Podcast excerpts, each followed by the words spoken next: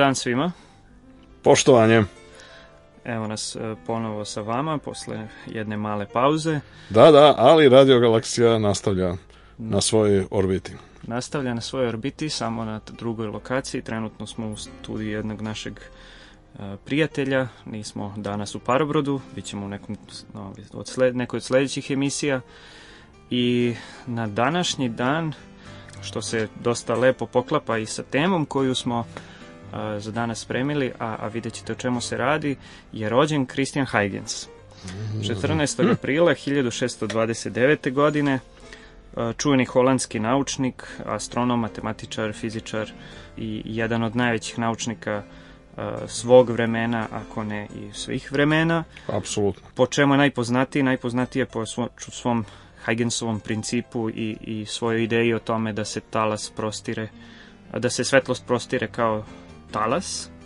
Ali i gomilu drugih zabavnih stvari kao što su razni časovnici, kao što su razni teleskopi, kao što su otkriće recimo Titana kao najvećeg Saturnovog satelita i gomila drugih zanimljivih stvari. Po njemu se čak zove sonda. Apsolutno, to nije ni malo slučajno da su sonda, znači Huygens Cassini, opera, misija Huygens Cassini je imala upravo ta imena dvojice velikih astronoma zaslužnih upravo za razumevanje Saturnovog sistema ono što je interesantno kod njega je što je pre, neposredno pre svoje smrti u kompilaciji dela koje se zove Kosmoteoros, a, koja je objavljena posthumno 1698. godine, a, spekulisano, spekulisao o postojanju ekstraterestrijalnog, odnosno vanzemaljskog života. I ono što je jako interesantno, što se tu kod njega možda prvi put pojavila ideja o nečemu što mi danas zovemo cirkumstelarne nastanjive zone. To jest o tome da je uslov za postojanje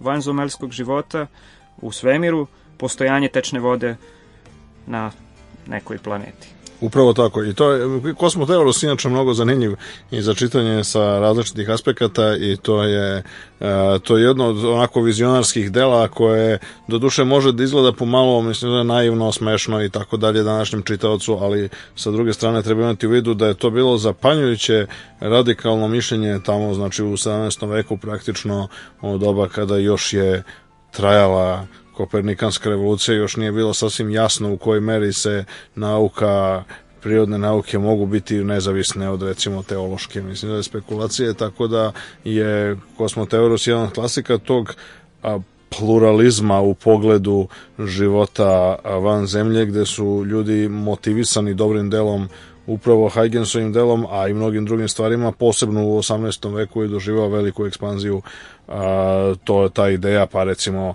u nekom smislu reči Huygensov nastavljač po mnogo čemu i po konstrukciji instrumenta, a i po optimizmu u pogledu života van zemlje, William Herschel je ovaj bio recimo ubeđen da ne samo da su sve planete i mesec nastanjive, nego da ima živi bića čak i na suncu i na drugim zvezdama i tako dalje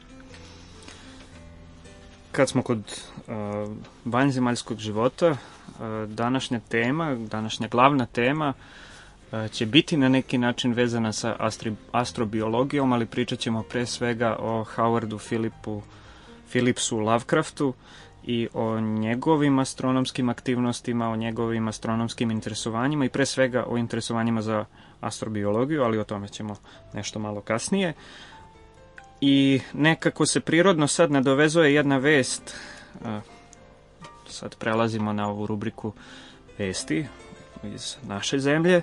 Naravno. Prirodno se nadovezuje jedna vest o, o, o jednom događaju koji se desio 12. aprila, to je pre svega dva dana. Sad, kad vi budete slušali, to će biti više, možda u nekom trenutku bude nova aktivnost, a o čemu se radi? O tome da su istraživačka stanica Petnica i Mixer House otpočeli jedan zajednički projekat pod nazivom Na kafi sa naučnikom, odnosno naučnicom. I u utorak 12. aprila u Mixer House-u se desio taj pr prvi u nizu događaja. U pitanju je bila svojevrsna tribina o životu, o nastanku života, o evoluciji i gošća na kafi je bila Biljana Stojković sa Biološkog fakulteta i sa Instituta za biološka istraživanja Siniša Stanković pričala je o, o mnogim interesantnim stvarima. Sve to ukupno je trajalo oko sat i po vremena i bilo je jako mnogo ljudi mislim da je bilo preko 300 ljudi. Opa, to je zapanjujuće, zaista. E, To je prosto neočekivano za bilo kakav događaj koji ima veze sa naukom, to je to je jedan ovako razlog za optimizam. I što je jako bitno i jako interesantno, ja sam zapravo ono što, što sam prvo primetio kad sam došao tamo je da je bilo bar meni jako mnogo nepoznatih ljudi. Ja sam očekivao da će se tu sjatiti svet koji voli bilju iz istraživačke stanice Petnica i i, i ovaj, sa biološkog fakulteta. Bilo je naravno tu ljudi sa biološkog fakulteta, ali bilo je jako mnogo i nepoznatih ljudi. I e, ono što je bilo jako dobro je što sam događaj e, zapravo nije bio klasično predavanje, nego je Bilja napravila uvod od nekih 20 do 30 minuta i nakon toga su mikrofon preuzeli ljudi iz publike koji su postavljali dosta dobra pitanja, bilo je raznoraznih nekih pitanja koje su odvela u neke druge stvari, e, na primer e, dosta toga što je očigledno pokazatelj da javnost to interesuje je bilo o genetski modifikovanim organizmima, što se na neki način možda i očekivalo, ali je bilo i jako, jako interesantnih pitanja o čak i samoj suštini toga šta je život. I ja se nadam, a, a ovaj, Bilja je to i obećala, da će u nekoj od narednih emisija doći kod nas u emisiju, pa ćemo na licu mesta razgovarati o tome ovde, Sjajno, verovatno o životu i evoluciji. odlična ideja. A Milane, ti si ovaj, prisustvovao otvaranju a, društva za, kako rekao, osnivanju. osnivanju. kad, bi se, kad bi bilo tako lako samo otvoriti, to, je, to, je, to bi bilo mnogo lakše. O, nego o osnivanju Srpskog evolucionog društva, da, upravo kad si e, pomenuo koleginicu Biljanu Stojković, ona je e, eto, na osnivačkoj skupštini koja se održala dan kasnije, odnosno 13. aprila tekuće godine izabrana i za predsjednicu upravnog odbora novo osnovanog Srpskog evolucionog društva, čiji je osnovni e, zadatak da, e, u nekom smislu reči ne toliko da se bavi istraživačkom naukom, koliko da a, popularizuje i promoviše sadržaje koji su vezani za shvatanje evolucije u najširem smislu reči, dakle ne samo u kontekstu bioloških nauka, mada je naravno to težište, a, već i u kontekstu drugih e, naučnih i filozofskih disciplina koje su za koje je koncept evolucije značajan, pa tu počeveš od kosmologije preko, ne znam, paleontologije, zaključno sa stvarima kao što su bioetika, mislim, ili a, filozofija nauke generalno, filozofija posebnih nauka, a, biologije konkretno i tako dalje. A, Te u svakom slučaju to ima taj, e, dakle, ta, taj e, sama ideja je zapravo u nekom smislu reči da pokažemo u kojoj meri je na sam koncept evolucije postao dominantan koncept u celini prirodnih nauka, a takođe i u onom a, delu filozofije koji je neki način a, zainteresovan za interakciju sa prirodnim naukama, a između ostalog dakle novoosnovano društvo kao jedna nevladina organizacija, dakle ima će se truditi da pokreće, podstiče razne edukativne aktivnosti koje generalno imaju za cilj formiranje racionalne naučne slike sveta, logičkog zaključivanja uzroci, razmišljanja o uzrocima i posledicama fenomena pre svega u prirodi, ali takođe i u društvu. A, naravno, s obzirom na iskustvo koje imamo sa a, osporavanjem, ajde tako da kažem najblaže rečeno evolucione biologije u obrazovanju i to je nažalost tendencija koja postoji u celom svetu, odnosno da budemo još precizniji, postoje nasrta i kreacionista raznih vrsta, raznih boja, raznih opredeljenja i na neki način više ili manje maskirani pod različitim novim imenima kao što su inteligentni dizajn i slično. Dakle, na školske programe i njihove kurikulume odnosa zahtevima da se eto ili ukine učenje teorije biološke evolucije ili u najmanju ruku da se da paritet sa a, idejama kao što su kreacionizam inteligentni dizajn i slično. A, jedan od aspekata i ciljeva svakako delatnosti novog udruženja jeste da a, dakle pre svega ovaj, ukaže na značaj tema iz evolucione biologije u školama i na takođe kon, što je naličije jedne te iste stvari ukaže na neosnovanost, odnosno pseudonaučnu prirodu kreacionističkog diskursa. Naravno, druge aktivnosti koje se nadamo da će se, da će se udruženje, odnosno Srpsko evoluciono društvo pokrenuti, jesu različite seminari, debate, tribine, skupovi, razne aktivnosti u oblasti e, popularizacije nauke, regionalna i međunarodna saradnja, izdavačka delatnost, ako što bi se reklo, bude sreće i sredstava za to, saradnja sa raznim drugim organizacijama, univerzitetima, institutima, drugim vladinim i nevladnim organizacijama i po mogućstvu ono što zaista postaje sve bitnije i sve aktuelnije u savremenom svetu, pa bi moglo donekle i kod nas da počne, a to je zapravo da kada se radi o temama koje imaju veze sa evolucionom biologijom generalno svaćeno, a, a koje su od opšte društvenog značaja, kao što je recimo pitanje, na primjer brojna pitanja koja su vezana za Istraživanje matičnih ćelija, mislim, za, za upravo pomenute e, genetske modifikovane organizme, za, recimo, pitanja posledica a, produženja, radikalnog produženja ljudskog života i slično. A, dakle, sve te stvari e, u svim tim oblastima, znači, akteri koji su značajni i a, znači, državne organizacije, a takođe i, recimo, komercijalne organizacije, firme i korporacije koje žele time da se bave često u svetu, konsultuju u u ulozi ozbiljnih stručnih konsultanata upravo takva društva, tako da nadam se da bi to možda moglo da se desi i kod nas. Ali u svakom slučaju, dakle, na samom smo početku, tako da se nadamo da će Srpsko evolucijno društvo, odnosno SED, kako glasi skraćaj naziv udruženja prirodno, o, tek da razgrana svoje aktivnosti. I nadamo se da će biti prilike da izveštavamo i ugostimo nekog Apsolutno. iz društva i ovde. A šta se još dešava u, kod nas, pre svega u Centru za promociju nauke, izašao je novi broj časopisa Elementi, četvrti po redu. Četvrti već, da, da. Da, da, da. U prodaji je od 30. marta mm -hmm. i tema broja su izbori. Kaže, kako čudno. I, tome, I to o tome kako donosimo odluke. Ima nekoliko različitih članaka o tome.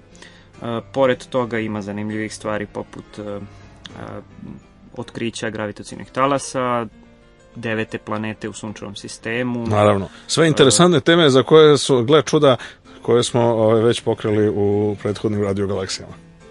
Sad je vreme da izađu ali u časopisu. Tačno. Zika virus, eto, to nismo pokrili. Ali eto.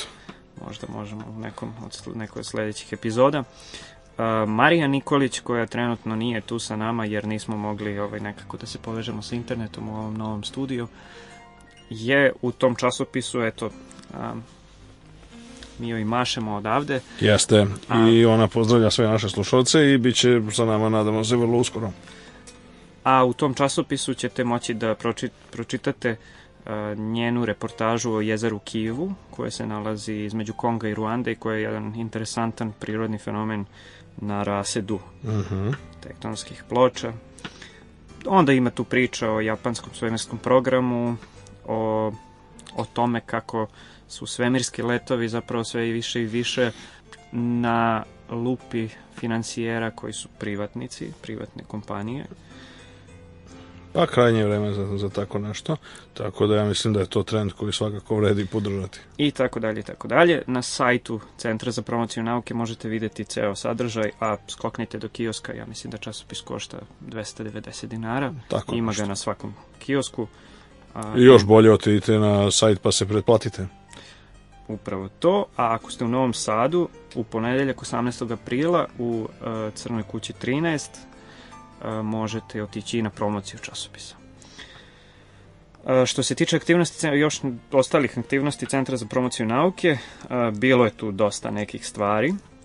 Ono što je recimo bilo interesantno i u svetlu teme ovog, čas, ovog broja časopisa je bila tribina o tome kako se donose odluke koja se desila u Slovenskom kulturnom centru. Aha. Interesantna stvar i i pretka, zapravo prilika, je bila to da nas je posetila Nagin Cox, naučnica iz uh, JPL-a, Jet Propulsion Laboratory, uh -huh. NASIN, NASINA ustanova, uh, koja se bavi zapravo istraživanjem Marsa i koja je jedna od glavnih uh, istraživačica uh, i, i vođa, jedna od vođa timova uh, svih ovih poznatih rovera i letilica poput Curiosity-a i tako dalje i tako dalje. Ona je održala jedno predavanje na matematičkom fakultetu go, bila je gost u istraživačkoj stanici Petnice i tamo je polaznicima jednog kombinovanog seminara svih nauka održala jedno predavanje. A na sajtu Centra za promociju nauke možete naći intervju sa njom koji je jako uh, inspirativan. Što se tiče predavanja, uh, imamo još uh, jedan ciklus predavanja uh, koji se zove Od sunčevog sistema do granica univerzuma. I to je ciklus predavanja koji se održava u Srpskoj akademiji nauka i umetnosti.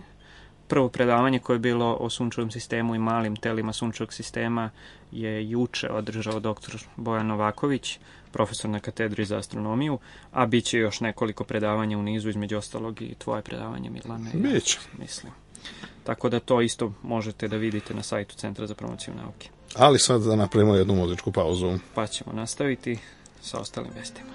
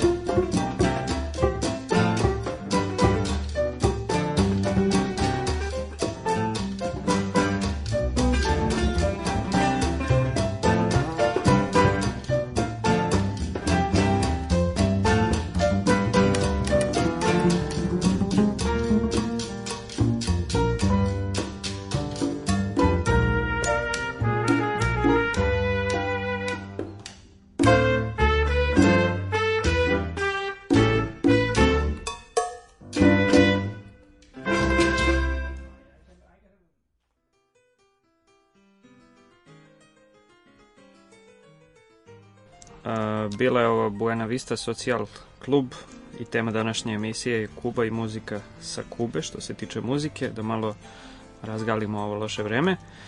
A nastavljamo sa vestima i ono što je interesantno još od vesti iz Centra za promociju nauke je da je po, počela od, počelo otvaranje naučnih klubova u e, gradovima po Srbiji. To je projekat Centra za promociju nauke koji se zove Mreža naučnih klubova i 5. aprila je otvoren naučni klub u Leskovcu, 12. aprila u Čačku i slede Niš, Užice, Knjaževac, Kragujevac, Smederevo, Kruševac, Kikinda, Novi Pazar, Kanjiža, Šabac i na kraju Beograd. I na sajtu Centra za promociju nauke možete videti kako to izgleda. To je jako dobra ideja premestiti zapravo cent promociju nauke u druge gradove. 27. i 28. aprila će se održati jedna radionica programiranja za učenice srednjih škola, što je isto jako uh, interesantna i lepa vest. Rails Gr Girls grupa uh, organizuje programiranje, uh, školu programiranja u programskom jeziku Ruby i o tome možete naći više informacija na sajtu Centra za promociju nauke. Takođe, postoji jedan konkurs za nastavnike matematike koji u okviru i van okvira svog školskog programa imaju interesantne metode za učenje matematike. A, to je pred maj mesec matematike, sad već tradicionalni a, događaj Centra za promociju nauke. Više informacija možete naći na sajtu. A što se tiče aktivnosti van Centra za promociju nauke, bio je tu jedan interesantan um, jedna interesantna astronomska aktivnost na Andrevlju, to je na Fruškoj gori. U pitanju je Mesijev maraton koji mm. a, astronomi i amateri organizuje već godinama unazad. A, o čemu se radi? Pa radi se o jednom posmatračkom maratonu, odnosno takmičenju astronoma amatera u pronalaženju tih takozvanih M objekata, odnosno maglina koje je katalogizovao Charles Messier, čuveni francuski lovac na komete i magličaste objekte. I, nažalost, u danima kad, je, kad se to dešavalo bilo je a, dosta oblačno pa nije bilo takmičenja ali je bilo dosta nekih drugih aktivnosti poput predavanja, izložbi i tako dalje bilo je raznoraznih gosti od kojih je recimo možda najinteresantniji Muhamed Muminović mm -hmm. iz Sarajeva koji je jedan od, od prvih možda astronomskih edukatora da, pogotovo da, da. u toj oblasti praktične astronomije. Ja se sjećam da sam prvu knjigu iz praktične astronomije koju sam uzao u ruke a, da je to bila njegova knjiga koja je jako dobro napisana. Apsolutno, jedan od najvećih i najvrednijih ljudi i popularizatora generalno svih astronomskih sadržaja na celom prostoru bivše Jugoslavije i saradnika svih mogućih časopisa amaterskih i, i drugih ovaj, tokom, boga mi, dugog niza godina. On je sad već u penziji ovaj, i uglavnom se odmara na moru, ali ko koristi takođe svaku priliku da, da učestvuje u nekoj nekoj astronomskoj aktivnosti. I da učestvuje i da pokreće, oni sad imaju i neku mrežu kamera za posmatranje meteora i pokušavaju da revitalizuju i da ožive a, observatoriju ovaj, u Sarajevu i tako dalje i tako dalje. Ono što je još jedna vest koja je sad za naučnike možda i lepa, možda i nije lepa, a to je konkurs za novi projektni ciklus, odnosno za ciklus um, koji Ministarstvo prosvete, nauke i tehnološkog razvoja otvara trebalo bi da otvara na svake četiri godine koji je osnovni izvor prihoda zapravo za naučnike da. koji za nauku važi četiri godine za tehnološke oblasti tri godine dugo se najavljivalo ja mislim da preko godinu dana zapravo kasni svašta se tu dešavalo i evo konačno juče 13. aprila je raspisan konkurs koji će trajati mesec dana. I sad nadamo se da sad vidjet ćemo na, na šta će to sve da ispadne. E, na kraju, a hajde da kažemo, mislim, propozicije konkursa su relativno čudne. Naravno, ništa se to ne razlikuje dramatično od prethodnih konkursa, ali ima nekih detalja koji su u najmanju ruku neobični a, i za koje ćemo vidjeti kako će to dalje da se da se ispostavi, pošto već su najavljeni neki protestne aktivnosti i ljudi se bune protiv nekih od stavki u samom tekstu konkursa koje zaista ne deluju smisleno i logično, ali ostaje da se vidi kako će to sve da izgleda. Sad je suviše rano reći naučna zajednica je čak e, i to jest pokret Spasimo nauku koji je a, u poslednjih nekoliko godina zapravo jedini pokret naučnika a, na, na ovom prostoru je a, uputio otvoreno pismo ministru Srđanu Verbiću imaju nekoliko zahteva i kažu da ukoliko do ponedeljka 18. aprila ti zahtevi ne odgovori se na te zahteve, kažu da će biti prinuđeni da animiraju javnost i organizuju proteste. Tako da, ah, vidjet ćemo šta će se dalje dešavati. Uglavnom, dosta ljudi kaže da je jako nepovoljan za mlade istraživače i doktorante. Ali vidjet ćemo, ja se nadam da će to sve proći ok. A sada je jedna muzička pauza.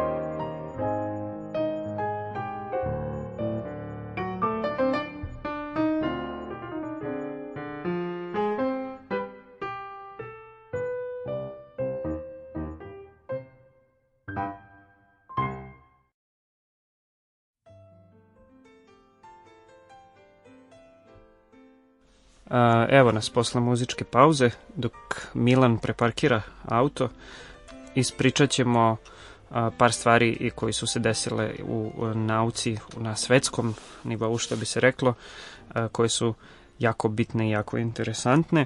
Jedna od tih koja nije bitna samo za svetsku nauku je rad koji je objavio Matija Ćuk sa SETI instituta, doktorirao na Univerzitetu Cornell u Sjedinim američkim državama, a završio osnovne studije astrofizike u Beogradu.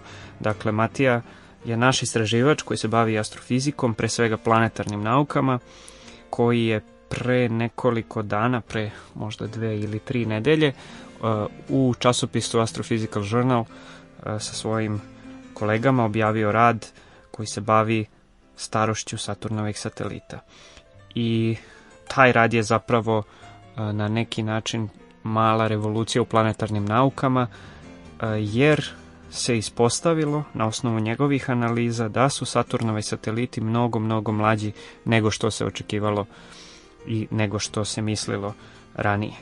Znači, Saturnovi sateliti, ne svi naravno, izvinjavam se, Saturnovi sateliti koji se nalaze unutar Titanove orbite, Titana najvećeg Saturnovog satelita, su mnogo mlađi, nisu primordijalni i na osnovu analiza simulacija kojima se Matija Ćuk sa svojim kolegama bavio, ispostavilo se, to jest pretpostavlja se, da je njihova starost svega 100 miliona godina. O čemu se tu zapravo radi? Pa, poenta je u samoj dinamici kretanja satelita i, i planeta. Ono čime se Matija bavio ranije je mesec i sistem Zemlja-mesec. Pre svega bavio se scenarijima nastanka meseca i ono što je zaključio i što je ključna stvar u njegovim teorijama su plimska dejstva, odnosno dejstva gravitacije na objekte i delove objekata koji su mnogo, mnogo, mnogo slabije vezani za, za taj sam objekat, pa, pa zapravo tako i utiču i na samu njegovu strukturu i na kretanje i tako dalje. Klasičan primjer je zapravo su plima i oseka na zemlji, e, što znači da plima i oseka u zemljinim morima predstavljaju zapravo trenja koja mesec svojom gravitacijom izaziva u okeanu, između okeana i, i površine zemlje. A šta ako je u pitanju Saturn sa svojim satelitima? E pa tu je priča malo drugačija, e, zbog toga što je Saturn mnogo, mnogo veća planeta i gasovita planeta i a, jako mnogo plimskih dejstava se dešava zapravo i u unutrašnjosti Saturna. I ono što je interesantno kod Saturnovih satelita je da njihove orbite rastu pod uticajem plimskih cila, sila. Znači, povećavaju se. I a, interesant bitna pojava u celom tom procesu je da će u nekom trenutku pri rastu tih orbita dva satelita napraviti zapravo takvu e, kombinaciju veličina, odnosno perioda e, revolucije oko Saturna, da će se njihove orbite tako nekako poklopiti da su im periodi u odnosima nekih celih brojeva i to je ono što zovemo orbitalne rezonance. Na primer, orbitalna rezonanca 2 prema 3 ili 3 prema 4 znači da jedan Saturnov satelit napravi dve revolucije oko Saturna dok drugi napravi tri ili jedan napravi 3, drugi napravi 4. I to su jako bitne stvari kod dinamike tih orbita. I ono što je jako interesantno kod rada Matije Ćuka i njegovog tima je to što su oni ispitivali e, nekoliko tih različitih očekivanih rezonanci i došli su do jednog jako interesantnog otkrića da se neke od rezonanci u kretanjima e, satelita Tetis, Diona i Rea zapravo nisu ni desile, što bi značilo kako to sad utiče na, na celu priču oko starosti, što bi značilo da su da se taj sam proces povećanja orbita e, desio mnogo sporije nego što smo očekivali, odnosno To bi značilo da su se sateliti kao što su Tetis, Diona i Rea, e, da, da se nisu mnogo pomerili od svog nastanka, što znači da su ili plimske sile Saturna jako slabe, znači ne utiču jako mnogo na povećanje orbite, ili je sistem dosta mlad. I ono što je zapravo predlog Matije i njegove ekipe je da je zapravo relativna mladost tog sistema mnogo realnije rešenje. A zbog čega? Zbog toga što postoji jedan drugi satelit, Enceladus, koji se trenutno nalazi na orbiti koja je dugoročno održiva samo ako su plimske sile unutar Saturna dosta jake. Znači, sam, e, samo postojanje Enceladusa govori o tome da su plimske sile unutar Saturna dosta jake i nekako se nakon svega toga i nakon proračuna zaključuje da su ti sateliti unutar Titanove orbite, pre svega Tetis, Diona i Rea, mnogo mlađi. To je jedno, jedno interesantno jedno interesantno otkriće i jedan rad posebno interesantan za nas ovde, zato što je u pitanju neko ko je poteko sa naših prostora, a bavi se e, vrhunskom svetskom naukom, pogotovo planetarnom naukom. On je čak i dobio e, pre dve godine jednu prestižnu nagradu za e, planetarne nauke, za doprinos planetarnim naukama, koja se zove Harold C. Urey. To je nagrada koja se zove po utemeljivaču savremenih planetarnih nauka, Haroldu C. Ureju, koji je za, usput dobio Nobelovu nagradu za otkriće deuterijuma, ali se kasnije dosta bavio i planetarnim naukama. Ono što Matija trenutno radi i nadamo se da ćemo moći da izveštavamo o tome u neko skorije vreme je da se bavi novom teorijom o nastanku meseca koja je trenutno ne bi smeo o tome da priča kako je izjavio jer je u recenziji za jedan poznati časopis ali verovatno ćemo vrlo uskoro moći da čitamo i o tome a u nekom trenutku ćemo verovatno imati prilike i da ga čujemo, ako ne uživo u studiju, onda i putem Skype-a.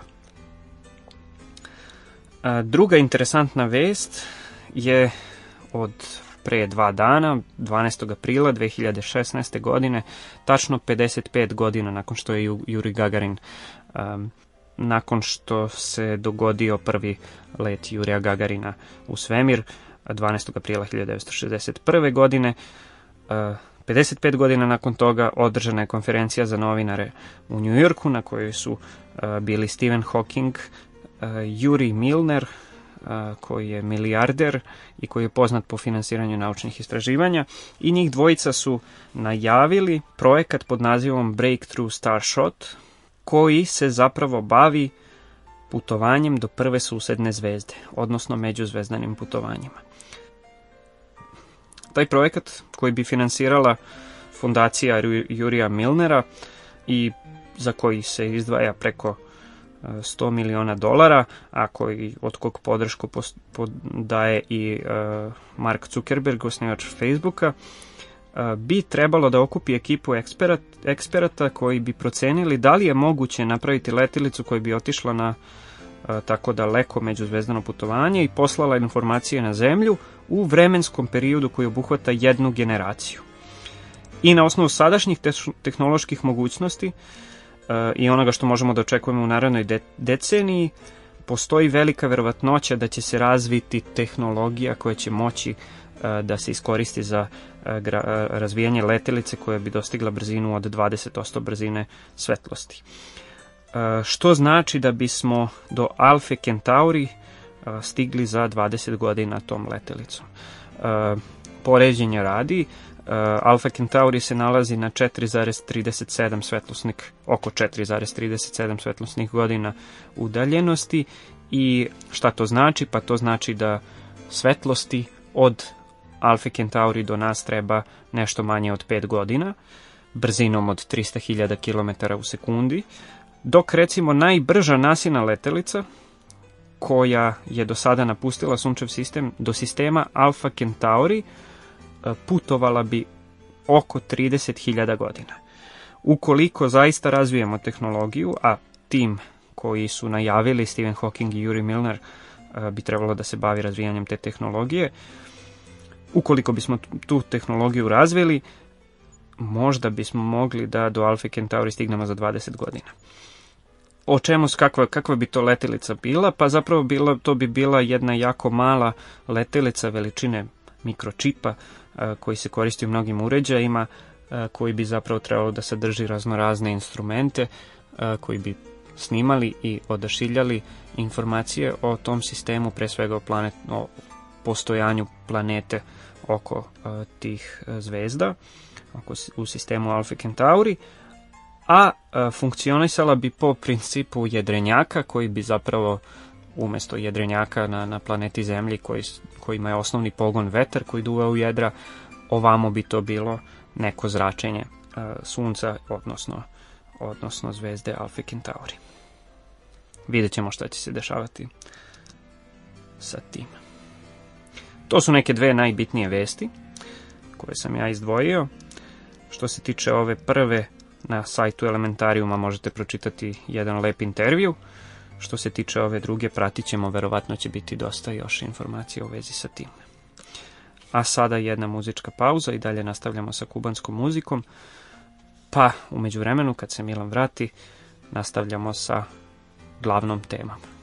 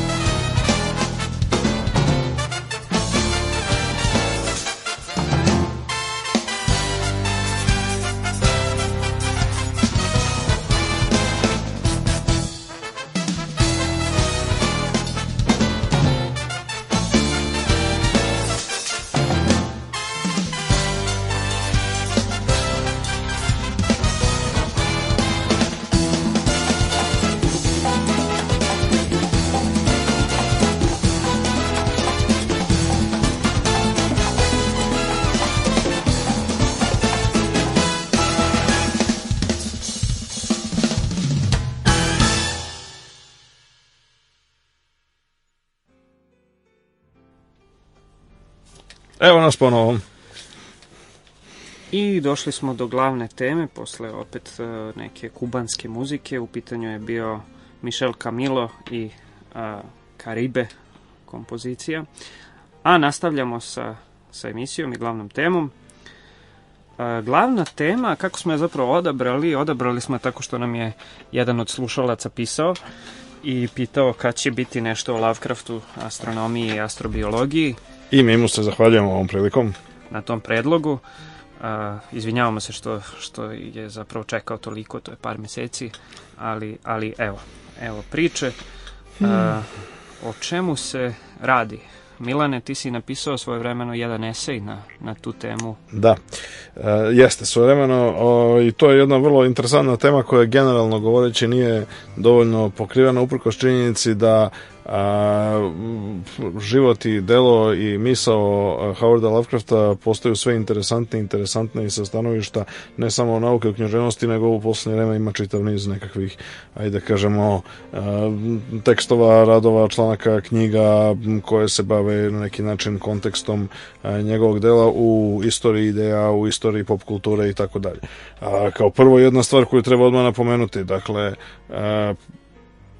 Lovecraft za života bio sa izuzetkom svojih brojnih korespondenata gotovo anoniman, on je za života u ajde da kažem uslovno govoreći pojavila se jedna a, jedno njegovo delo u knjiškom formatu. Dakle a i to je onako jedno izdanje koje je bilo ovako više poluprivatno a, i relativno malog tiraža i koje danas ima neverovatnu antikvitetnu vrednost, a, ali generalno gledano, dakle, bio je u, sa stanovišta i u širem književnom svetu potpuno nepoznat. A danas, mnogo godina kasnije, evo 80 godina će biti još malo od njegove smrti, je, dakle, može se reći da pristo njegovog dela i uopšte uticaj koji su njegove ideje i e, njegova fikcija imali na praktično sve segmente i što bi se reklo što bi se reklo visoko profilne kulture i pop kulture e, su ogromni i to se može primetiti na hiljadu različitih mesta i na gomili različitih strana, znači u počev od same književnosti pa preko žanrova i umetničkih grana kao što su strip, kao što su filmovi, kao što je muzika, igrice.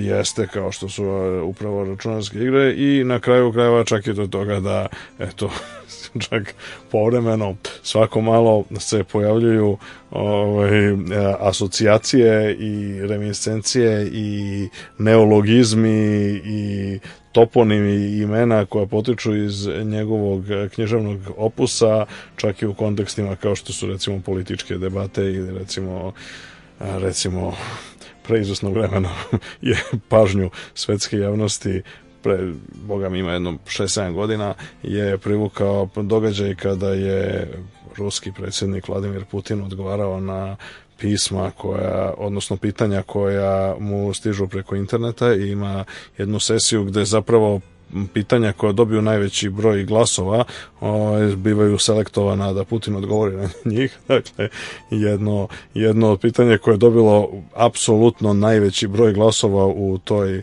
um, u toj sesiji u te, mislim da to je bilo nešto išlo na svake dve nedelje ili na svakih mesec dana. Dakle u toj sesiji pitanje koje je ubedljivo najveći broj glasova bilo je o, šta Putin namara da preduzme prilikom zbog uh, pretnje od buđenja velikog tulhova koji spava ispod Pacifičkog okeana.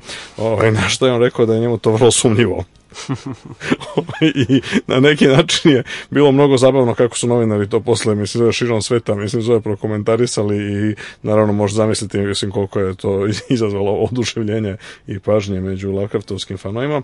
A, ono što jeste interesantno, dakle, da je celo, e, kao prvo i osnovna stvar koju treba napomenuti ljudima, dakle, celo Lovecraftov delo je public domain, a, drugim rečima, Uh, imate ne samo što imate sva njegova dela dostupno online, nego i uh, praktično bilo ko god želi da bude izdavač ili Lovecraftovi dela može to da radi. I kod nas uh, i, kod, i, i sad u zadnje vreme je i kod nas zaslugom pre svega gospodina Dejana Ognjanovića, koga vredi pomenuti ovom prilikom kao jednog od najvećih pregalaca na polju Lovecraftovskih studija koji se čak bavio akademskim istraživanjem. Apsu, i, apsolutno. Lovecraft i njegovo akademsko interesovanje. Apsolutno. I u tom smislu je, dakle, imate to u celom svetu, znači, ljudi, ono, mnoge, dakle, dubinu uticaja, recimo, na, na, na, na savremenu književnost možete se, može se vidjeti i po tome što je veliki, neki kažu najveći živi aktivni francuski pisac Michel Houellebecq je njegova prva knjiga je zapravo bila njegova studija teorijska studija o Lovecraftu koja je nažalost nije prevedena kod nas, ali prevedena je recimo na engleski sa francuskog originala i koja se inače u originalu pojavila 1988. godine. Uh, i ona je vrlo interesantna po tome što ukazuje na čitav niz, znači Uelbeck je tu ukazao na čitav niz uh, motiva, tema i pa do nekle i onoga što bi se moglo nazvati memama, odnosno kompleksa ideja koji su koji se pojavljuju u Lovecraftovom delu, a koji su neobično aktuelni za ljude sa jeli, kraja 20. i početka 21. veka a, i za naše savremenike, o čemu možemo zahvaliti dobrim delom porast a, njegove popularnosti. Ono što se međutim u tom kontekstu a, prilično malo zna jeste a, koliki uticaj je na samog Lovecrafta na njegovo delo učinila astronomija i astronomske otkrića koja su do kojih je došlo a, tokom njegovog života. On se interesovao vrlo aktivno za astronomiju kao što sam piše od svog detinjstva kada je imao jako ranom periodu, da. 13 godina, dakle dobio je od majke na poklon jedan mali teleskop od 2,5 inča u prečniku tomu dođe šta negde 6 cm a, tako da je e, od tada pa nadalje i u buduće je do kraja života on je umro relativno rano 1937. U 47. U 47. godine života. U međuvremenu možete zaključiti recimo kad se uporedi kako je izgledao svemir sa stanovišta astronomije, posebno kosmologije na početku njegovog života, znači 1890. godina i onoga što imamo 1937. možemo zaključiti da došlo do dramatične promene u međuvremenu. I koliko je astronomija bila zapravo zastupljena u javnosti. Ono što je meni bilo fascinantno kad sam, kad sam čitao njegovu biografiju je da je on u svojoj 13. godini, pored posmatranja ko, koja su mu bila jako interesantna, zapravo ima ogromnu želju da se bavi popularizacijom astronomije. Mm. To mi danas zovemo popularizaciju astronomije. Ima ogromnu želju da priča drugim ljudima o astronomiji i u 13. godine je osnovao zapravo časopis koji se bavio popularizacijom astronomije, čuveni Sjajno. Ro Rhode Islandski časopis. jeste. I o, jeste i to isto mislim da ta ovaj te stvari ovaj dosežu sad neshvatljive cene na o, što bi se reklo tržištu antikvitetima a, i raritetima. A, ono što jeste interesantno da je on kasnije, on je kasnije zaista o, već u o, odraslom periodu uređivao jednu rubriku u lokalnim novinama koja se bavila upravo najznačajnijim vestima i astronomije time šta recimo pojavama kometa, pojavama pomračenjima sunca, meseca i drugih i drugim stvarima. Ono što je međutim najinteresantnije što po meni možda predstavlja okosnicu u nekom smislu reči tog nekog dubljeg uticaja astronomskih znanja na književnost i kulturu jeste upravo ta velika kosmološka revolucija koja je koja se desila u međuvremenu pošto krajem 19. veka ljudi su i dalje smatrali ogromna većina astronoma a, se slagala sa ljudima kao što su bili recimo Lord Kelvin ili Jacobus Kaptein koji su a, smatrali da postoji samo jedan zvezdani sistem dakle ono što a, bismo danas zvali mlečnim putom je a, dakle jedino sve što postoji u terminima materijalnog sveta i da je taj naš zvezdani sistem relativno mali. A, najmoderniji u to vreme na samom kraju 19. i početkom 20. veka najmoderniji model svemira je upravo bio takozvani Kaptejnov svemir koji je sugerisao da je naš zvezdani sistem otprilike u današnjim današnjim terminima govoreći negde recimo oko 5 kiloparseka s kraja na kraj, a, nešto grub, malo spljošteno, znači kao jedan malo spljošteni elipsoid, a, bez ikakve neke detaljnije strukture, da se u njemu nalazi reda veličine stotinak miliona zvezda i da se sunce i sunčev sistem nalaze blizu središta a, tog zvezdanog sistema, ne u samom središtu, malo pomerano, zato što su oni a, kapteni razumeo, kapten je to izgradio na osnovu svojih za to vreme jako kvalitetnih posmatranja, on je primetio da postoji izvesna anizotropija na nebu, da su zvezde jesu skoncentrisane više u jednom delu nebeske sfere nego u drugim delima i onda je to tumačio da je to pravac koji pokazuje ka središtu našeg zvezdanog sistema a, i pošto je gustina zvezda opada od središta ka periferiji a, i nakon što pređemo tu udaljenost od nekoliko svega kiloparseka a, dakle nakon van toga nema više ničega. I Kaptojnov univerzum bez obzira koliko nama danas smešno izgledao je bio vrlo utican u to doba. Dakle najveći umovi tog doba su zapravo smatrali da je cilj između oslog razvijanja kosmološke teorije da objasni a, taj i takav univerzum, recimo Albert Einstein je kada je razvio 1917. godine svoj prvi kosmološki model, onaj Einsteinov statički svemir, znači njemu je cilj, kao što sam kaže eksplicitno u tom radu, bio da objasni takav mali kaptenov univerzum koji, u kojem postoji samo naša galaksija, naš zvezdani sistem i ništa drugo. Pritom treba napomenuti da u to vreme nije bilo merenja udaljenosti do galaksija, to je tek kasnije zapravo se nije ni znalo da su magline koje, koje smo mi posmatrali tada, koje je Edwin Hubble prvi put ovaj, posmatrao i vidio kako se udaljavaju, nije se znalo da su to zapravo druge galaksije. Druge galaksije. Naravno. I ono što je ono što je bila velika ironija jeste da su da, da je bilo gomila uh, posmatračkih, sad ću da naglasim, empirijskih e, nalaza koji su sugerisali da to upravo mora biti tako. Dakle, e, ono što je potpuno bizarno sa stanovi, kad razmatramo sa stanovišta nekakvog naivnog shvatanja nauke kao nekim potragom za sve boljim i boljim saznanjem i onda sve sledeće sve bolje i bolje e, i eto, empirijska istraživanja nikad ne greše. Dakle, Van Manen je otkrio pod navodnicima otkrio da spiralne magline, kako se tada nazivale, spiralne galaksije se rotiraju, odnosno menja se relativni položaj njihovih, njihovih spiralnih krakova i to je bilo svima jasno da je to jasan dokaz da one moraju biti oblaci gasa unutar mlečnog puta jer da se one zaista nalaze na nekim velikim udaljenostima daleko van mlečnog puta one ne bi nikada ne bi smo mogli vidjeti njihovu rotaciju. To je uzabojčeno nemoguće i dan danas. Tek sa ovim novim astrometrijskim satelitima tipa Gaja će pretpostavljaju ljudi biti moguće ovaj, zaista izmeriti brzinu rotacije spiralnih galaksija na osnovu promene njihov, onoga, njihove vidljive slike.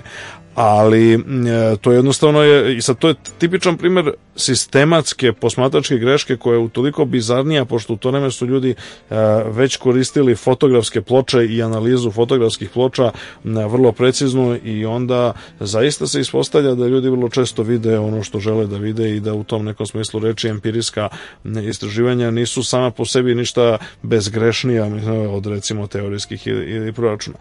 A ono što umeđu vremenu, sad zamislimo da to je bilo na početku Lovecraftovog života, e, na kraju Lovecraftovog života, ako uzmemo već recimo sredinom 30. godina, e, nama je postalo jasno mnogo stvari. Pre svega da su spiralne magline druge galaksije, da je Mlečni put samo jedan od milijardi zvezdanih sistema, da je svemir mora biti mnogo stariji nego što se ranije smatralo da mora biti star, u to vreme se 30. godina smatralo najmanje 3 milijarde godina, Danas smo naravno došli do toga da znamo da je on star 13,8 milijardi godina.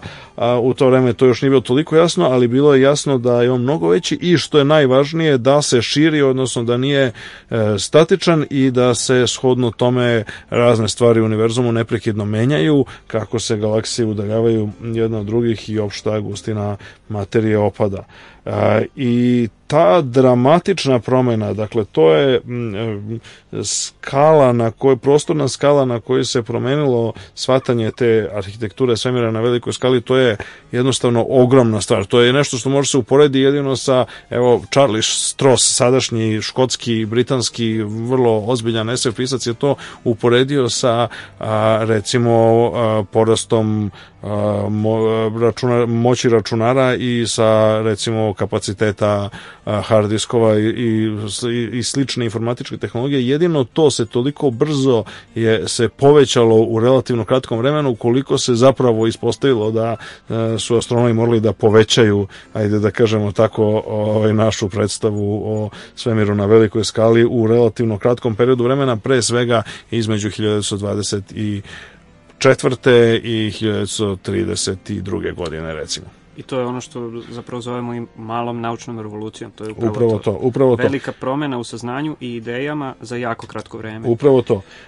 I Lovecraft je to vrlo pažljivo pratio. On je, e, znači, ne samo što u njegovoj biblioteci je bilo jako mnogo aktuelna astronomska literatura i to iz tog doba. I to knjiga ne samo klasičnih kao što su je Flamarionove e, iz 19. veka, nego i onih stvari koje su bile relativno moderne u to doba, kao što su recimo knjige, na primjer, Artura Eddingtona, Harloa Sheplija, još nekoliko ljudi koji su bili i Persifala Lowella naravno mislim zove je osnivača čuvene je Lowellova observatorija u Flagstaffu i a, gde između oslog otkrivena planeta Pluton e sad planeta Pluton a, je otkrivena upravo 1930. godine i a, danas je smatramo planetom patuljkom, ali u to doba je njeno otkriće bilo velika senzacija i smatralo se da je to potpuno punopravna planeta, tim više pošto se procenjivala njena veličina mnogo veća nego što istinski jeste. E, i e, to je odjeknulo u svim medijima i bilo je vrlo dramatično propraćeno i e, Pluton se između ostalog pod imenom Jugot pojavljuje u brojnim ovaj, Lovecraftovim pričama i ovim a, kratkim romanima, novelama, kako, kako god. Um, ono što je interesantno jeste da, dakle, Lovecraft ne samo što je pratio to medijima i ne samo što je lično posmatrao, imao nekoliko teleskopa iz kojih je patrao, nego je bio i uh, veliki fan obližnje um, LED observatorije, koja se, to je observatorija Univerziteta Brown u Providence, ona se nalazi malo u brdima ovaj, u unutrašnjosti Massachusettsa i ona je e, ona je dakle Lovecraft je dolazio tamo dosta često a, i pošto je tamo moglo da se dođe iz od njegovog mesta življenja najveći deo života to je gradić Providence na Rhode Islandu moglo je praktično biciklom da se dođe do observatorije e, LED observatorija, observatorija je, je konstruisana a, iste godine kada je Lovecraft rođen 1890. A, I ona je bila jedna lepa klasična observatorija koja je između ostalog nije bila preterano bogata, naravno, ali je, ali je bilo, imala desetak zaposlenih astronoma, glavni osnivač Winslow Upton je i osnivač i dugogodišnji direktor LED observatorije i profesor na Univerzitetu Brown je bio istovremeno i veliki fan, ajde da kažemo tako, promocije i popularizacije pasija astronomije i voleo je da, da posećuje ljude, a, Lovecraftov a, ujak koji je bio jedan od najbogatijih ljudi u Providensu i okolini, a, kasnije do duše izgubio uglavnom ovaj, veći deo tog bogatstva, ali bio u svakom slučaju ugledan predstavnik te e, novoengleske aristokratije. E, i on je između ostalog bio i Aptonov prijatelj i onda je Apton često dolazio u njihovu kuću e, kad je Lovecraft bio mali dečko. I onda je između ostalog pričao o konstrukciji observatorije koja je imala jedno od, dakle, ajde da kažemo, najveći ponos observatorije tog doba bilo je 12-inčni e, refraktor, dakle to je teleskop s očima od nekih 40 i nešto 45 cm, čini mi se, sad to se nama ne čini, bog zna kako veliko, ali refraktor od 45 cm je ekstremno velika, teška i komplikovana naprava a, i nije ih bilo mnogo metara, u, mnogo u to doba. A, jeste jako dugačak, jako velika žežna daljina, jako velika kupola potrebna za isti i tako. Tako da sve u svemu je e, Lovecraft tamo često boravio i kako je sam tvrdio u kasnim godinama u, i u pismima svojim brojnim korespondentima on je imao nameru da studira astronomiju, da se profesionalno bavi njome, ali pošto je i onako prekinuo svoje školovanje zbog neobičnih bolesti koje nije sasvim jasno zapravo ni dan danas njegovim biografima a, od kojih je najpoznatiji mislim za ovaj, gospodin Joši koji je napisao S.T. Yoshi, indijsko-američki filolog i teoretičar književnosti koji je napisao najopširniju, ogromnu, masivnu, hiljadu strana dugačku Lovecraftovu biografiju, ali i gomilu nekakvih drugih sitnijih stvari. Služio je kao editor jednog dobrog dela njegove korespondencije i, i ovi nekih tih novinarskih zapisa i tako dalje.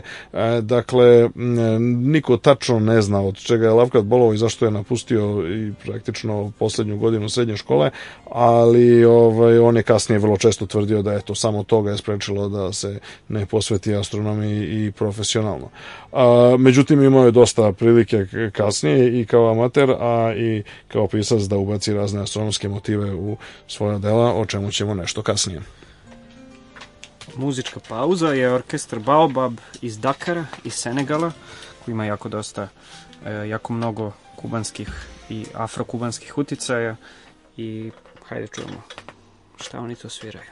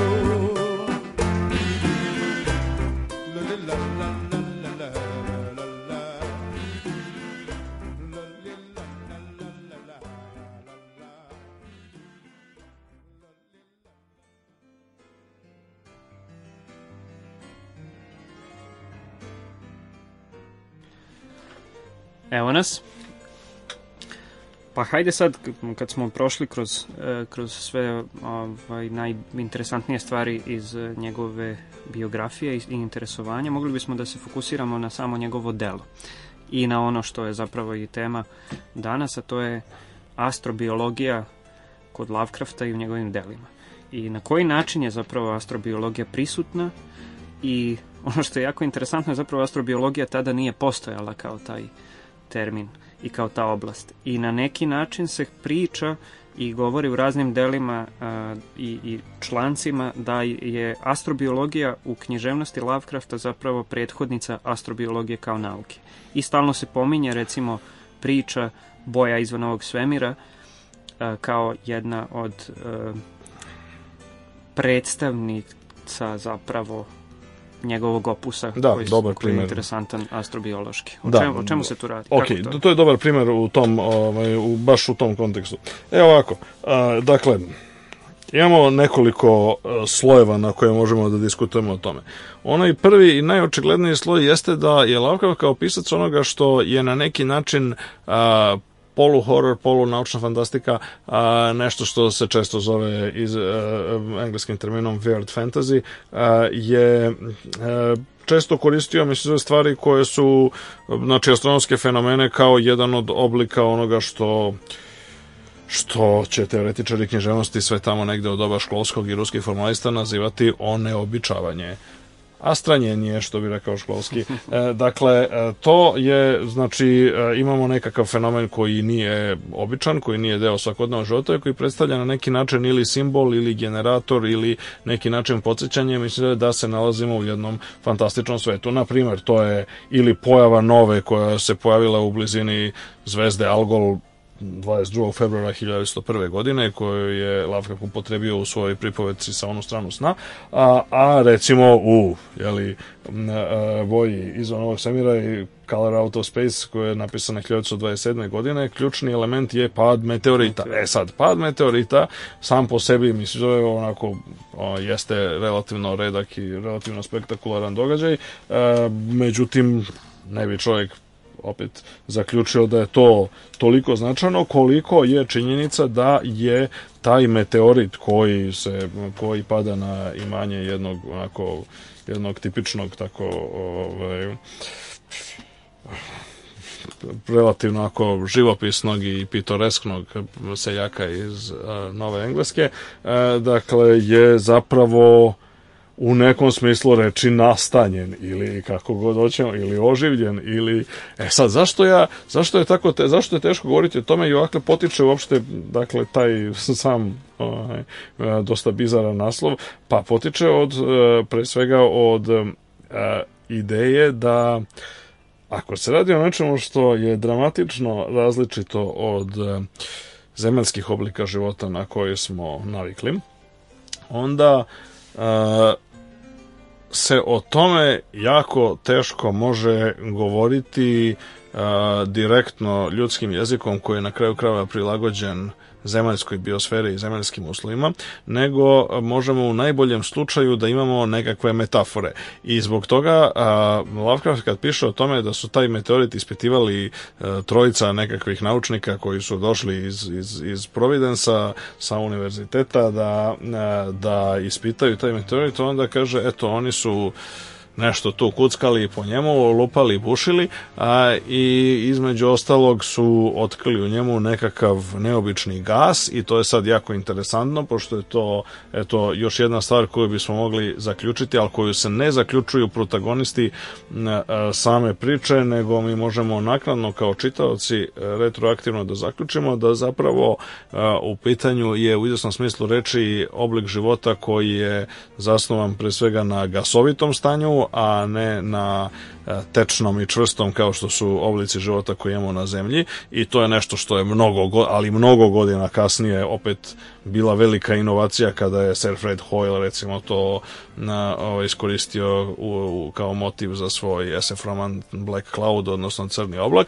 a ovo je bilo dobrih 30 godina pre toga, a, je Lovecraft sugerisao, e sad, kaže, oni su videli tu kao taj gas i kao da imao neku boju, ali to u stvari nije boja i onda ide sad jedan potpuno fascinantan pasus ili par rečenica gde on kaže, ali eto, kaže, ja ne znam kojim rečima tačno li to da kažem, ali i onako moramo da koristimo nekakvu e, metaforu i analogiju da bismo uopšte govorili o tako nečemu, pošto to sa tim nemamo nikakvih prethodnih zemaljskih iskustava.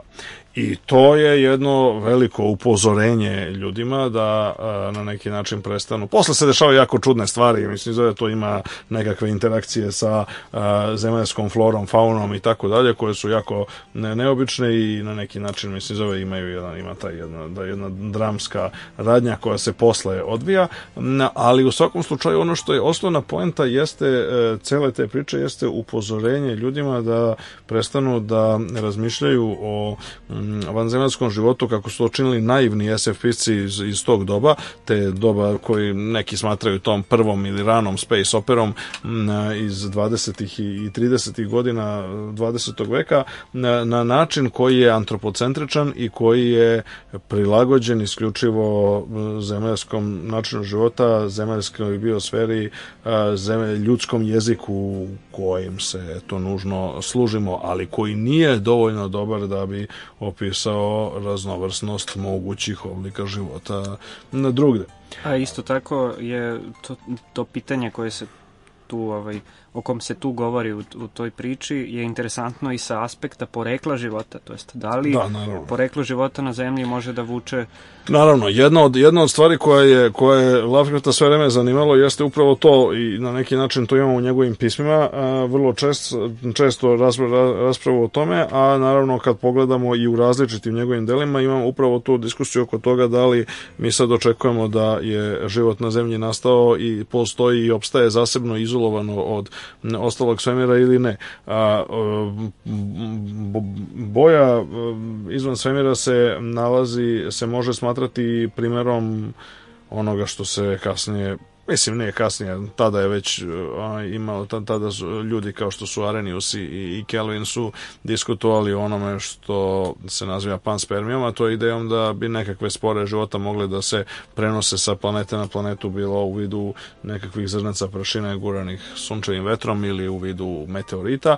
E, ovde imamo recimo tu jednu, jednu varijantu. Sa druge strane, recimo u e, Lovecraftovom verovatno najčuvenijem romanu ili kratkom romanu u Planinama ludila e, imamo jedan drugačiji narativ, naime tamo se govori o nečemu što je što su kasnije Krik i Orgel nazvali usmerenom panspermijom, odnosno o tome da e, manje više život na zemlji može predstavljati ostatak ajde da kažemo nus proizvodi, nus efekat poseta, mislim zove znači poseta zemlji daleko naprednijih i daleko starijih vanzemaljskih inteligentnih bića koje između ostalog su eto tu prosula nekakvo organsko đubre ili tako nešto čega je kasnije što imamo recimo recimo primer te vrste inače imamo u filmu Ridleya Scotta Prometej a takođe i uzre budi rečeno ceo ceo znači taj Scottov uslovno govoreći ciklus filmova Alien Alien 1 2 3 i tako dalje je dobrim delom inspirisan upravo Lovecraftovskim kanonom a ne samo to nego i H.R. Geiger odnosno glavni umetnik na koji je koncipirao, mislim zove ono strukture i bića iz Aliena je takođe kako sam kaže, on je zapravo njegova najpoznatija zbirka slika, mislim zove se nosi e, naziv Necronomicon upravo e, motivisana je li ovaj poznatom knjigom iz opusa e, Howarda Lovecrafta. Dakle u, u planinama ludila imamo imamo još dosta nekakvih stvari koje su bile ispred svog vremena i koje su se danas mogu karakterisati jedino kao astrobiološke poente. Recimo, jedan primer je e, diskusija oko toga da u kojoj meri zemljina unutrašnja toplota može da, i uopšte planetarna unutrašnja toplota, može da a, nadoknadi, kompenzuje, e, poništi efekte klimatskih promena e, na površini zemlje. Tako da on lepo na jednom mestu kaže da eto ta civilizacija tih drevnih bića koja je podigla nekakav izgubljeni grad na Antarktiku koji oni pronalaze se sve više i više pomerala pod zemlju i čak i ispod okeanskog dna, zato što je zemljena unutrašnja toplota bila kompenzacija za klimatske promjene i pomeranje kontinenta koje je dovelo do toga da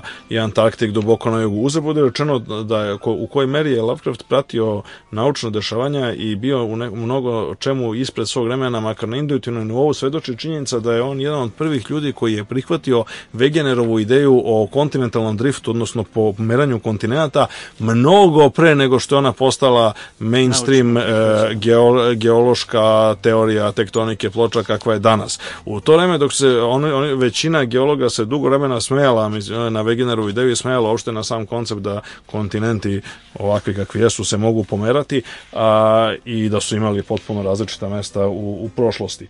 Što na više mesta u Lovecraftovom opusu nailazimo na zapravo neku vrstu a, tako prihvatanja ideje o pomeranju kontinenta. A, I ono što je imamo mnogo, znači u gomili drugih, mislim čak i onim stvar, čak i onim njegovim delima koja su izrazito fantasy, kako bismo rekli, kao što su recimo ona dela u kojima se pojavljuje njegov omiljeni lik Randolph Carter, kao što su Srebrni ključ i kroz kapiju Srebrnog ključa, čak i tamo mi imamo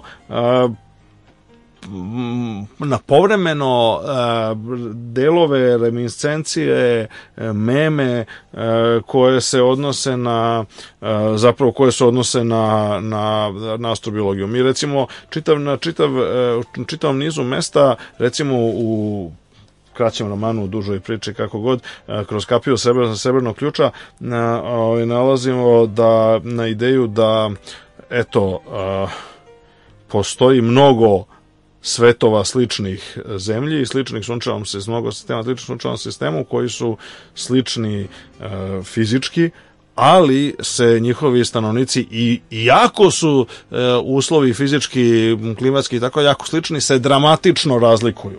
Što je vrlo e, jedan bitan uvid i takođe nešto što ni do dan danas nije u potpunosti, ima dan danas nije u potpunosti rasvetljeno i raščišćeno, odnosno i dan danas ima suviše mnogo zagovornika i u samoj astrobiologiji i u pogotovo među širim slojima i među popularizatorima nauke e, nekakve naivne ideje da sad to nekakva ono, spoljna sredina koja dominantno utiče na to kakve će vrste evoluirati i pogotovo kakve će recimo eventualno napredne, kognitivno razvijene, inteligentne vrste evoluirati.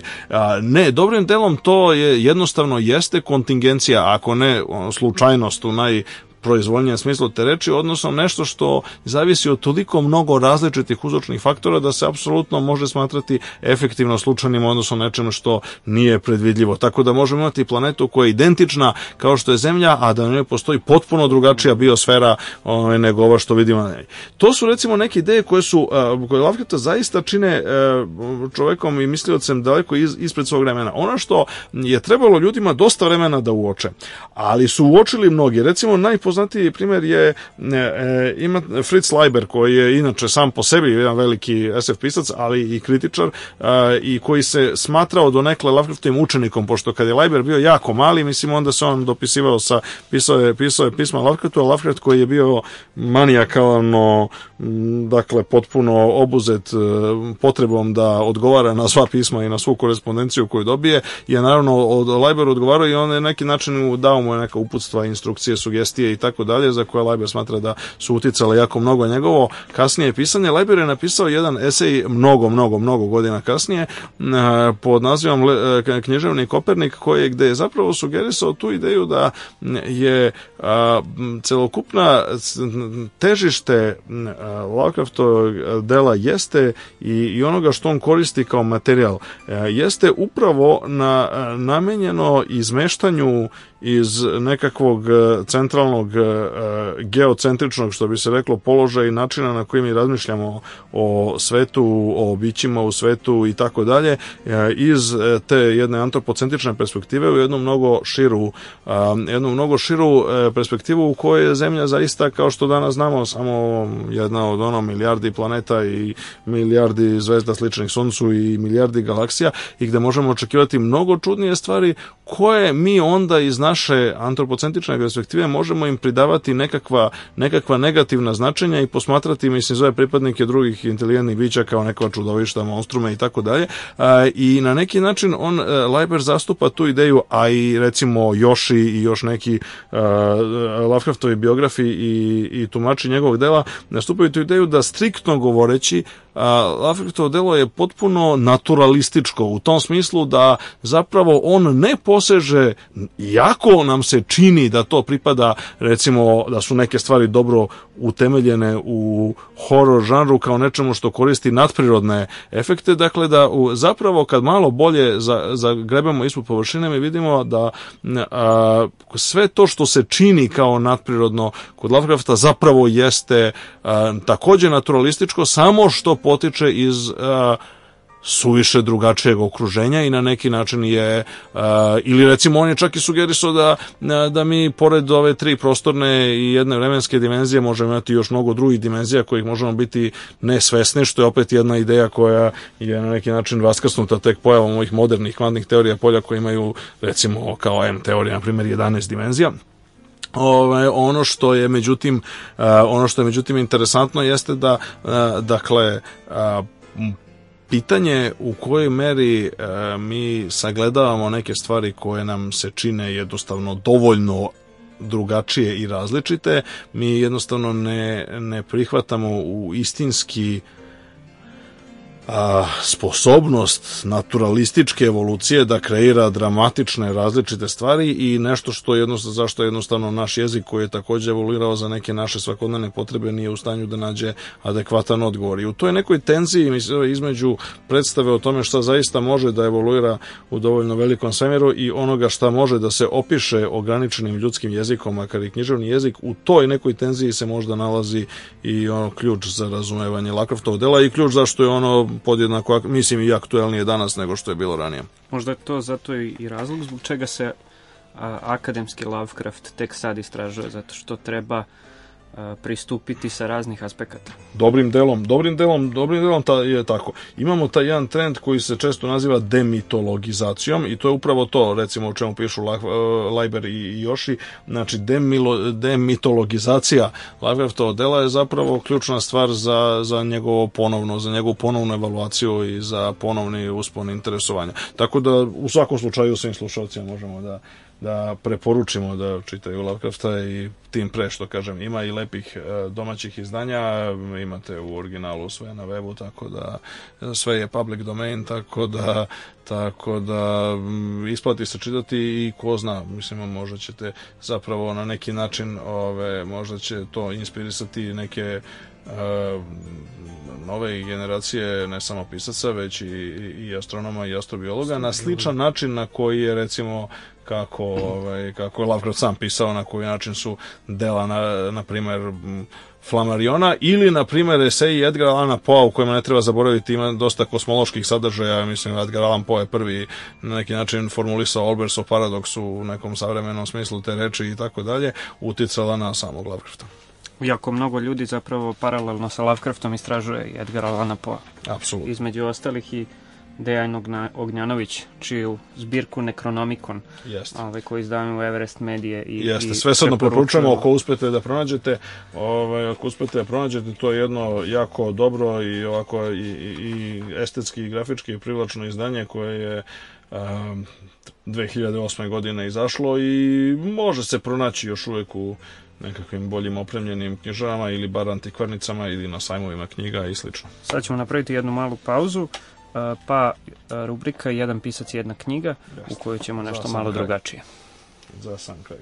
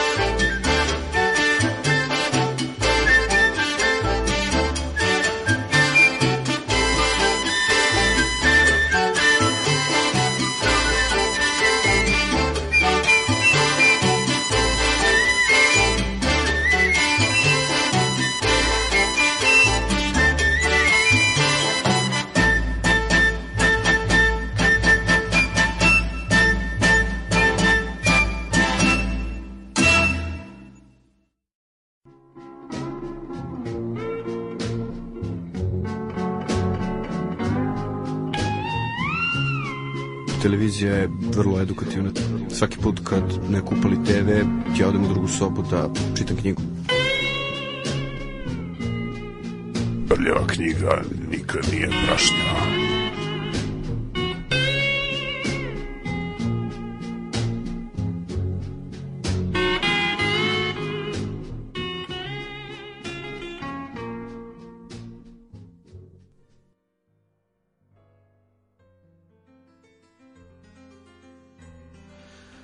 Evo nas, posle ove naše čuvene špice. Kako kaže, prljava knjiga e, da. nikad nije prašnjava. E, da, da. A... Upravo to. E, za sam kraj, dakle, jedna klasična ova knjiga iz domena, bah, sad, jugoslovenske književnosti, uslovno govoreći, dakle, to je Mehmed Meša Selimović i njegov roman Tvrđava. Dakle, on ne samo što je ponovo izašao u izdanju Vulkana 2015. godine, ima dosta drugih izdanja, nego je i nešto što je e, pa, na mnogo, po mnogo čemu e, po mnogo čemu svi događaji i, e, i ovako iz svakodnevnog života jer čine taj roman e, sve aktuelnim i aktuelnim i uvek ponovo aktuelnim.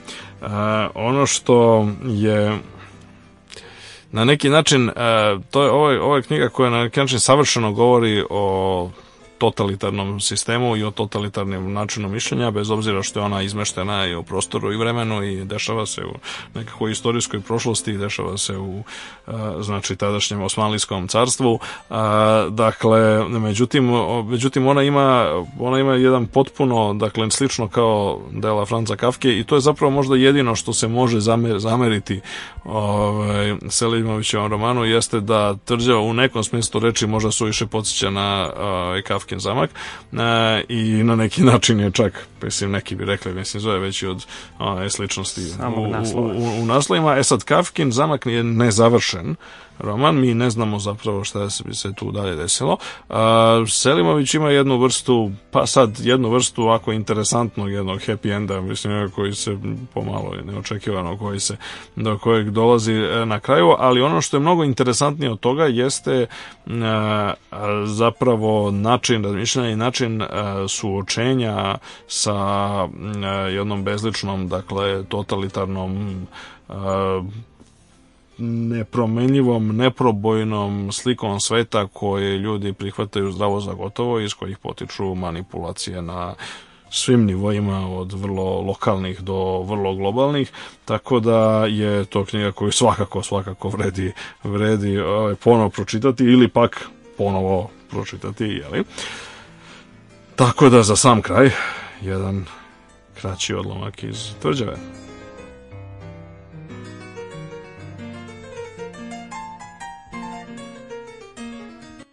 Satima sam sjedio u predsobljima, ali oni koje sam očekivao nikad se nisu pojavili. Ili su se uvlačili kroz prozor, ili su uljetali kao ptice, ili su bili nevidljivi, ili je postojao neki tajni podzemni ulaz koji ih je štitio od nas što živimo čekajući. Moje riječi su postale izlizane, moja priča dosadna, moj lik zamoran svakome. Pretvorio sam se u čovjeka koji moli, a to je posljednje biće na zemlji. Ispod toga nema ništa. Polako odbijajući najpre tu misao, počeo sam da osjećam zid oko sebe, nevidljiv, neprobojan. Stajao oko mene kao tvrđava, kao neizlaz, kao nepristup, neprekidno sam udarao glavom o tvrdu stijenu, bio sam izubijan, krvav sav od čvoruga, sav od masnica, a nisam prestao da navaljujem. Jer je uvijek izgledalo da ima prolaza. Mora da postoji neki procijep, nemoguće je da je zid svuda.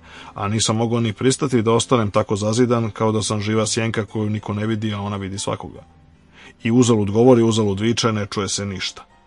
Malo je trebalo pa da počnu prolaziti kroz mene kao kroz vazduh ili gaziti po meni kao po vodi.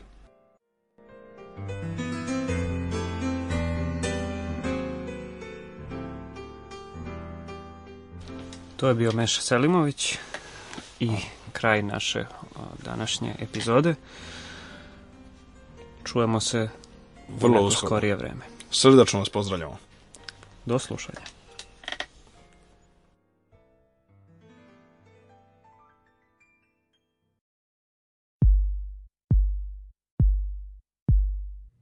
Emisija je pod pokroviteljstvom Centra za promociju nauke.